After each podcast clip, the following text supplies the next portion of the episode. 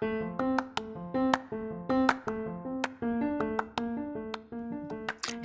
og velkommen til den fjerde episoden av podkasten Spareglede. Jeg heter Anne-Berit, og nå håper jeg du er klar til litt sparing og økonomi det neste kvarteret.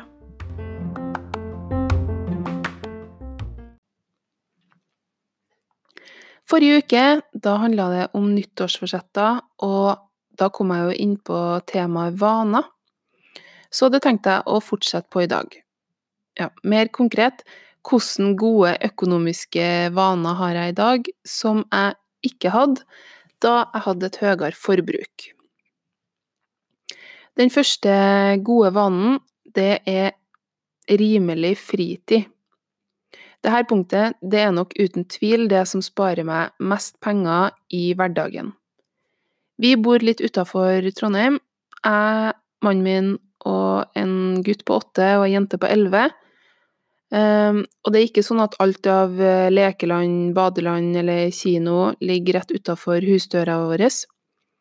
Men likevel, vi brukte en del tid og penger på aktiviteter som kosta penger.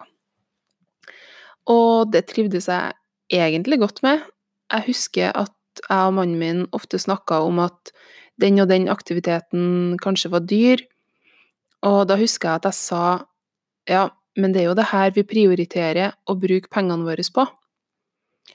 Jeg tenkte at det at jeg har litt lange arbeidsuker som lærer og må jobbe litt i helgen, det skulle ungene mine få tilbakebetalt i form av spennende aktiviteter og opplevelser på fritida. Og det er jo greit, jeg vet at det er mange som tenker sånn, men samtidig så trodde jeg jo at vi var sparsomme, og derfor så ble jeg alltid så skuffa når jeg så at vi altfor ofte måtte sprette denne bufferkontoen for å betale ei regning som vi egentlig burde ha mulighet til å dekke ifra regningskontoen vår. Jeg skal ikke dra deg gjennom hele reisa fra dyr fritid til billig fritid, men poenget er i hvert fall at nå har vi ei veldig rimelig fritid. I helgene så bruker ungene mye tid på vennebesøk, og så liker vi å være ute på tur. Det siste gjør vi riktignok eh, litt for sjelden, spesielt nå når det er sånn kjipt vintervær, men vi trives veldig godt når vi først kommer oss ut, så det er i hvert fall planen vår å gjøre mye mer av i går. I år.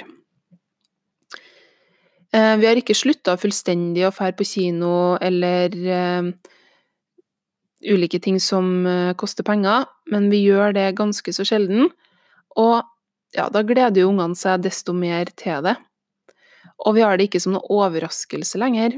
Vi blir heller enige om å fære på kino ei stund i forveien, og så kan de gå og glede seg til det. For vi vet jo egentlig med oss sjøl òg at det å glede seg, det er faktisk halve gleden. Og når sånne ting blir impuls eller ei overraskelse, da mister man jo faktisk en stor andel av nytelsen fra denne tingen. Så gratis fritid, det er altså gode vane nummer én. Og hvis du syns det høres stusslig ut, så kan du jo tenke over følgende. Jo mer penger du bruker i fritida, desto mer må du jobbe for å finansiere fritida di, og desto mindre fritid får du jo. Og dessuten, uansett om vi har gjort en gratis aktivitet eller en dyr aktivitet, når jeg spør ungene om kvelden hva de er takknemlige for, eller hva som har vært fint med denne dagen, da svarer de stort sett noe som handler om nærheten mellom oss, at det var kvalitetstid. Og det bringer meg litt over i vane nummer to, som er at jeg bruker ikke lenger masse penger på å prøve å glede ungene mine. Det betyr ikke at jeg har blitt helt imot å glede dem, men jeg driver ikke lenger og kjøper ting for å overraske dem, eh, eller de får ikke ting når vi er på butikken, bare for at jeg skal få gleden av å se hvor glad de blir. For den der gleden, den er så gæli kortvarig.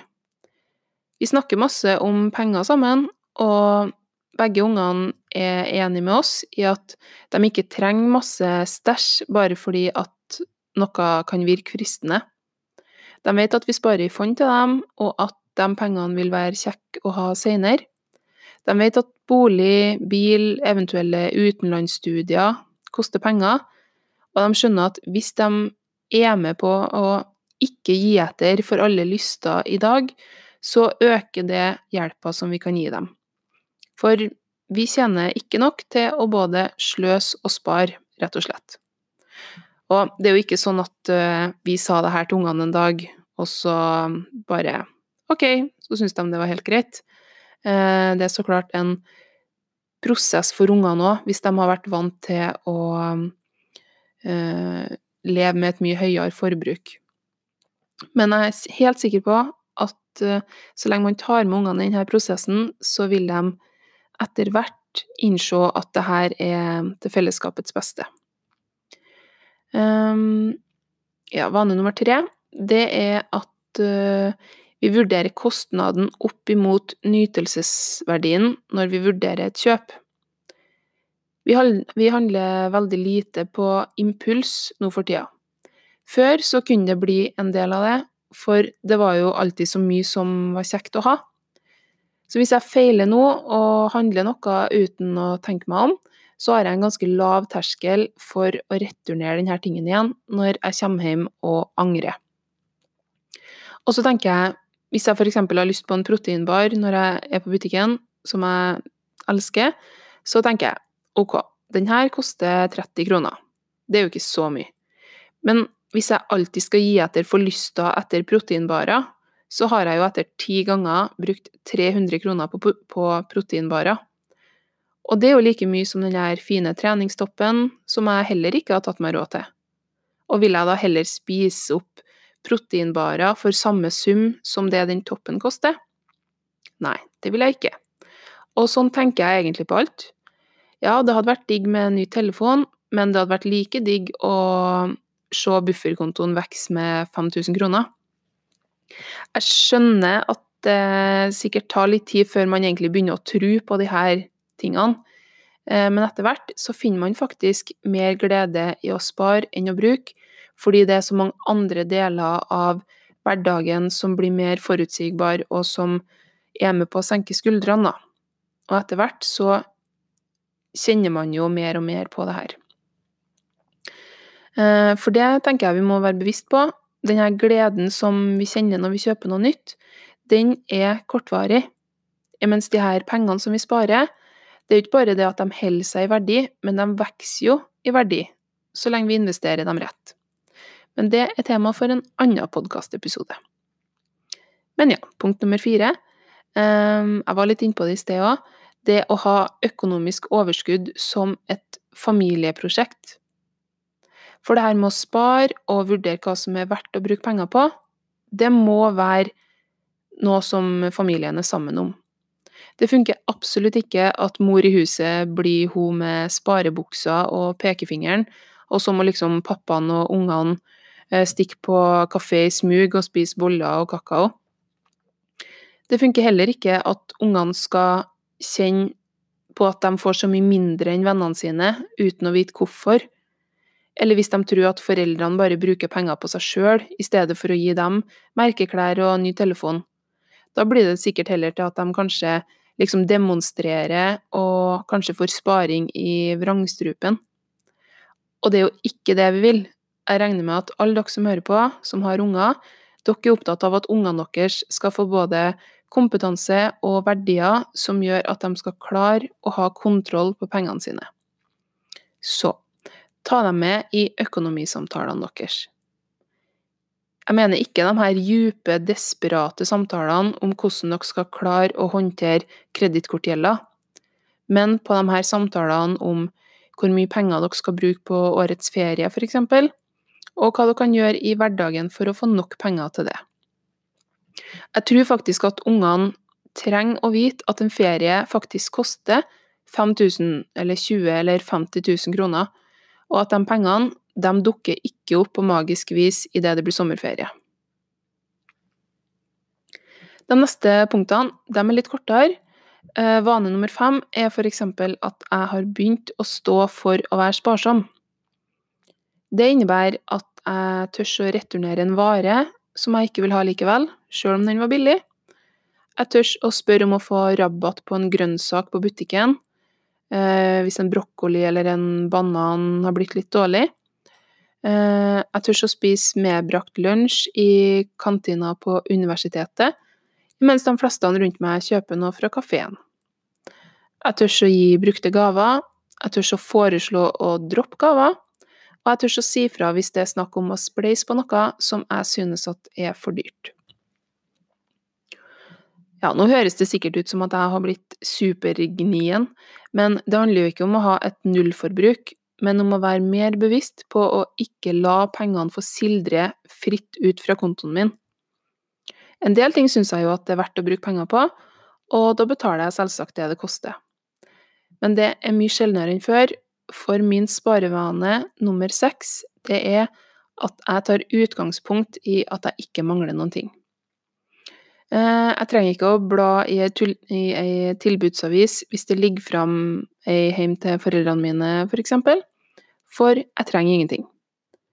Før brukte jeg ganske mye tid og penger på å tenke gjennom hva jeg kunne kjøpe hvis jeg måtte på et kjøpesenter. Er det noe annet jeg trenger på Claes Olsson, liksom, når jeg uansett må innom for å kjøpe skrivepapir? Men nå, nå stikker jeg bare og kjøper skrivepapir, fordi jeg stoler på at hvis jeg hadde trengt noen ting, da hadde det jo allerede stått på handlelista mi. Og det henger egentlig nøye sammen med vane nummer sju. Eh, jeg har nemlig ikke lenger shopping som et tidsfordriv. Før så kunne jeg og mannen min ta med ungene på Ikea eller på et av kjøpesentrene i Trondheim, og liksom gjøre en dag ut av det hvis det var dårlig vær. Vi hadde kanskje et par ærend, og så brukte vi dagen på å lete i andre butikker etter andre ting som var fine, og så spiste vi middag der. Og det var jo for så vidt veldig fint og sosialt, det.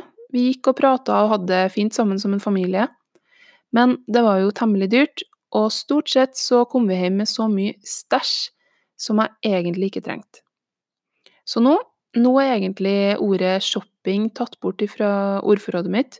Nå bare handler jeg hvis det er noe jeg trenger.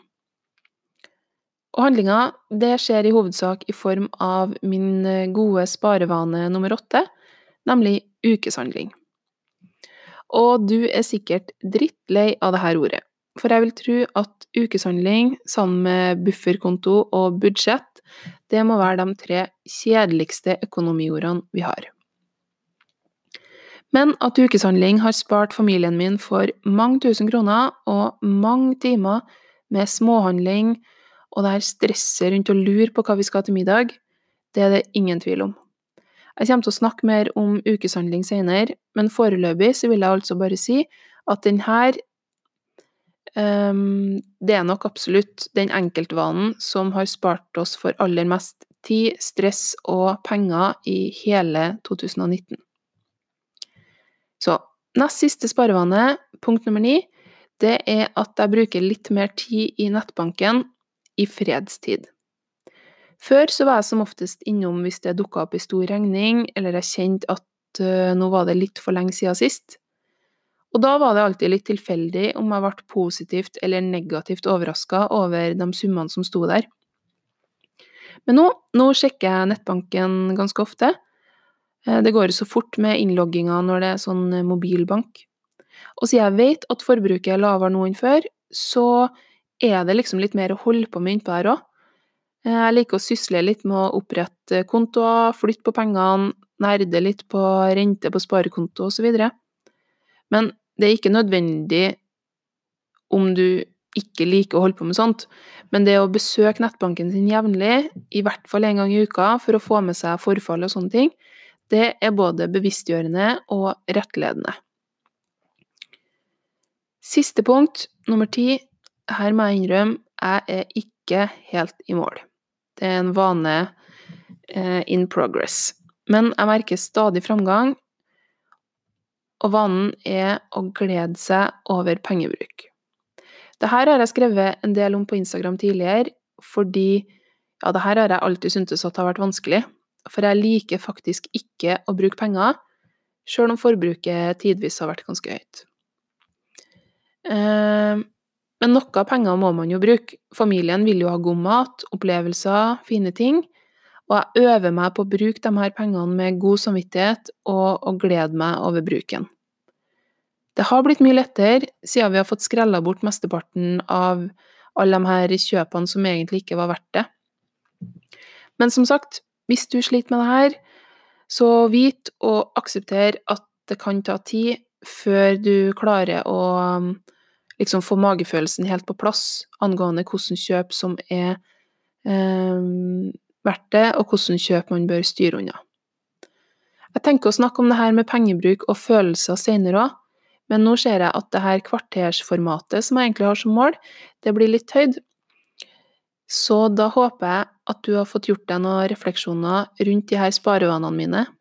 Det er de her vanene som har forandra seg i livet mitt, og som egentlig har forandra hele livet mitt òg. Jeg kommer til å legge dem ut i eh, litt sånn superkort eh, versjon på Instagram òg, så du får mulighet til å reflektere litt rundt om de her kan være noe for deg.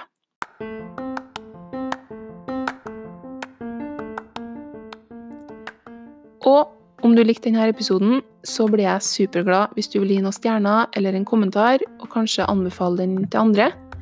Og send meg gjerne litt ris eller ros på Instagram òg.